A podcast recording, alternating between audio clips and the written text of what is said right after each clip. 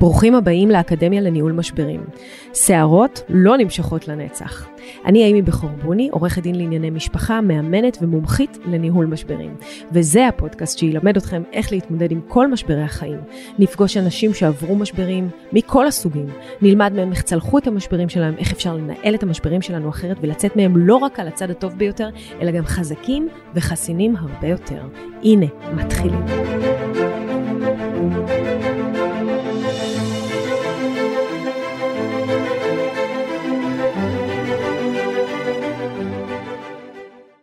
סיפורי משפחות בשבע דקות. לא סיפורי גירושים, אבל סיפורים מחדרי משרד עורכי דין לגירושים. לא כל אה, מפגש שלי עם לקוחות מסתיים בגירושים. אה, אני מייעצת, לא תמיד אני מייעצת בכלל להתגרש, אבל לפעמים גם הלקוחות כל כך לא באים באמת בשביל להתגרש, ויש להם סיפורים מאוד אה, מרתקים, שאולי את כל מי שהיה שומע היה חושב שהנה, הנה, זה באמת הסיבה להתגרש, אבל לא, החיים יותר חזקים מאיתנו. אז uh, הסיפור הבא הוא על דנה, שהגיעה אליי למשרד. Um, דנה, מטר שישים, שיער חום, עיניים בהירות, משקפיים, נראית חנונית מחשבים כזאת.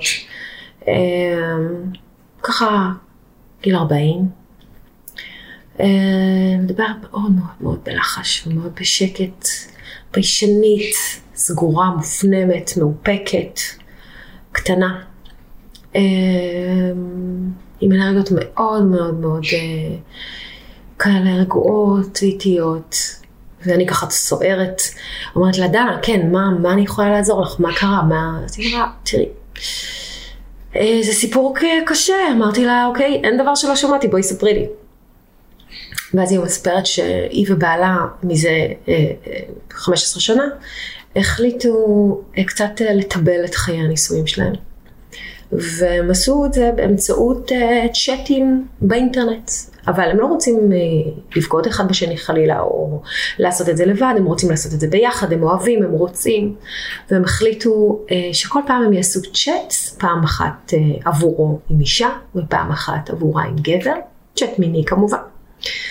Um, ומסתבר, כך גיליתי, שיש אתרים כאלה שלמים של צ'אטים של uh, סקס, uh, שבאמת אתה מכיר מישהו ברשת, אתה מבקש לעשות צ'אט, ועושים אה, איזשהו אה, טריו כזה, הם ביחד, ובצד השני כל פעם גבר או אישה. באמת עשו את זה, וזה באמת טיבל להם את חיי הנישואים, והם היו, זה הפך אותם למאוד אה, אה, מלאי עניין את החיים שלהם, והם השתוקקו אחד לשני יותר, והם היו מאוד מאוד מרוצים מזה, ופעם אחת הם עשו צ'אט עם בחור, שהיא ככה יותר נדלקה עליו. והיא לא, לא התאפקה, והיא חצתה את הגבולות שהם החליטו עליהם בעצמם, שאף אחד לא פונה לבד לאף אחד, אלא הכל נעשה ביחד ובשיתוף פעולה. והיא אה, פנתה אליו אה, ככה בוואטסאפ, אמרה לו, מאוד מצאת חן בעיניי. זה היה צ'אט מגניב. והם התחילו לדבר בוואטסאפ, והם עשו צ'אטים קצת לבד, ובעלה לא יודע מזה. ואז היא ביקשה להיפגש, והם נפגשו, והם התחילו לנהל רומן. מאוד סוער. ו... ואז היא התאהבה בו מאוד, ממש עד כלות, והיא החליטה שהיא רוצה לעזוב את בעלה בשבילו.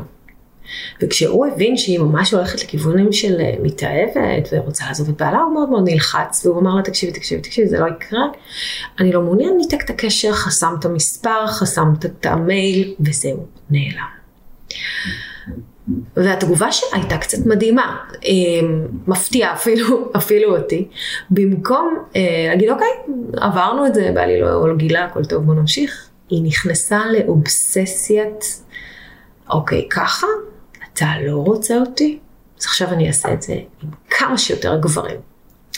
והפכה את הצ'אטים ואת הסקס לאובססיה, ועשתה את כל מאחורי הגב של בעלה בלי שהוא ידע. ויום אחד הם ישבו ככה במרפסת והטלפון שלה התחיל לצפצף במלא צפצופים והוא לקח את הטלפון מהיד והיא ראה ופתח וראה עשרות על עשרות של גברים שהיא עושה איתם צ'אטינג ולא מעט מפגשים מיניים שהיו לה עם גברים זרים כשהוא בכלל לא חלק מזה ולא יודע מזה. והוא הוא השתגע. הוא באמת השתגע. הוא תפס אותה והדף אותה, ודחף אותה, וחנק אותה, והיה מאוד אלים. היא מספרת לי את כל זה באופן רגוע ומאופק, ואני כבר אומרת לה, התקשרת למשטרה? אז אמרה לי לא. הרגשתי שמגיע לי, ועכשיו אני פה. כמובן שאני ממש לא יכולתי להסכים ולתת יד לאלימות נגד אה, נשים, בטח לא לפצפונת הזאת, ולא לאף אישה. אמרתי לה, אמרתי לה, תקשיבי, על אלימות אין דבר כזה, את לא יכולה לעבור על זה בשקט. את חייבת אה, לטפל בזה. זאת אומרת, או שהוא לוקח טיפול נגד כעסים, מוכן ללכת אה, לטפל בעצמו, אתם הולכים לטיפול ביחד, או שאת הולכת למשטרה ומרחיקים אותו, כי לא יכול להיות שאת תסבלי אלימות. אז היא אמרה לי, לא, לא, לא, לא, לא, באמת, את יודעת, הוא לא אלים, זה פשוט באמת, הוא היה בהלם. זה הרגע הזה שזה היכה אותו בתדהמה, וזה מזעזע, ואני לא מבינה איך עשיתי את זה. ואני רוצה, אני רוצה לחזור אליו. אני רוצה שהוא יסלח לי.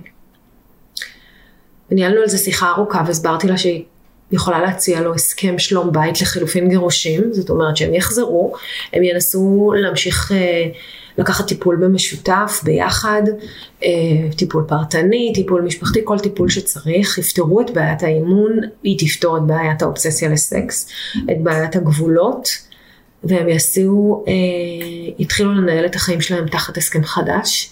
בהסכם הזה אנחנו קוראים הסכם שלום בית לחילופין גירושים, אנחנו מפרטים בכל החלק של שלום בית מה בעצם עכשיו עושים לטובת הזוגיות, איך משקמים, ובסוף ההסכם אנחנו גם כותבים, בחלק השני של ההסכם אנחנו גם כותבים שאם זה לא יצליח חלילה, והם לא יצליחו לשקם, אז מה תנאי הגירושים כבר, אנחנו מציינים הכל, איזה מזונות יתקבלו, איך נחלק את הרכוש, אצל מי יהיו הילדים, והכל כבר מוסתר, יש בזה משהו מאוד מרגיע, שאתה יכול לתת הזדמנות אמיתית לנסות לשקם את הקשר, כשאתה יודע שכל העניינים המשפטיים פתורים.